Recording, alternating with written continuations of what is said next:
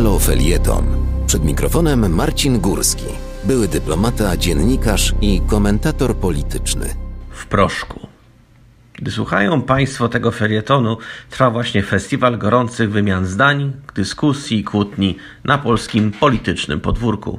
Z tą różnicą, że tym razem ma ona miejsce na opozycji, a nie w obozie władzy, tak jak byliśmy do tej pory przyzwyczajeni. Wszystko zaczęło się od deklaracji liderów lewicy o porozumieniu z premierem Morawieckim, czyli z PiS, czyli z Jarosławem Kaczyńskim. Następnie przeszła fala oburzenia i gorących deklaracji ze strony głównie Koalicji Obywatelskiej. W sumie Włodzimierz Czarzasty dobrze przewidział, co się będzie szykować, więc stwierdził, że odstawi wszelkie możliwe nośniki, a na pierwszy ogień poszedł sam były prezydent Aleksander Kwaśniewski. Decyzja nawet dobra, bo ludzie wciąż mają w pamięci, że był jednym z liderów, który wprowadził Polskę do Unii Europejskiej. Mimo to niewiele się zdało jego słowa, bo opinia publiczna, w tym wyborcy lewicy, jednak dość kiepsko odebrali fakt, że mimo wcześniejszych zapewnień liderów dawnego SLD i wiosny, mówiących jasno, że nie można zaufać formacji Jarosława Kaczyńskiego, nagle stwierdzili, że z Schulerem można zagrać w brydża. Lewica poparła więc unijny fundusz odbudowy, ponieważ uznała, że tak należy i zapewne na dłuższą metę iść to opłaci. Niestety nie opłaciła się Platformie Obywatelskiej polityczna gra oparta na życzeniowych założeniach. Pojawiają się zarzuty, że można było balić ten rząd i na czele nowego postawić na przykład Kośniaka Kamysza z PSL. Jak to mówią na zachodzie, wishful thinking – Dochodzi do tego jeszcze niedawna wymiana zdań, podczas której jeden z dawnych liderów SLD, a obecnie lewicy, Marek Dyduch, określił słowa Barbary Nowackiej z inicjatywy trajkotanie.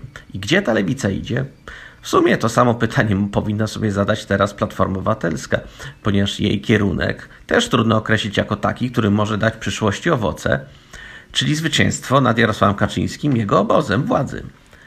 Trzaskowski tworzy kampus przyszłości, o czym podobno Platforma dowiaduje się z gazet. Zarząd partii oczekuje wyjaśnień, tak samo jak radni oczekują informacji, gdzie znajduje się prezydent, skoro go nie ma na sesji Rady Miasta. W tym samym czasie Grzegorz Schetyna pokazuje krokodyle łzy, że Platformie idzie słabo w sondażach. Ach, jeszcze niedawno było 30%, tak wydaje się mówić ta troskane spojrzenie byłego przewodniczącego. A jeszcze na sam koniec tygodnia duży news o wydaleniu dwóch posłów z Platformy, którzy podobno coś knuli i jeszcze mieli tendencję do krytykowania. Normalnie PR, jak się patrzy na medal z ziemniaka. W sumie można w tym momencie mieć przed oczami scenę z programu Ucho Prezesa w wykonaniu Roberta Górskiego – ponieważ on jako prezes może spać spokojnie, bo pozycja jest w takim proszku, że wcale mu nie zagraża. Wspieraj niezależne Halo Radio, które mówi wszystko. www.halo.radio ukośnik SOS. Dziękujemy.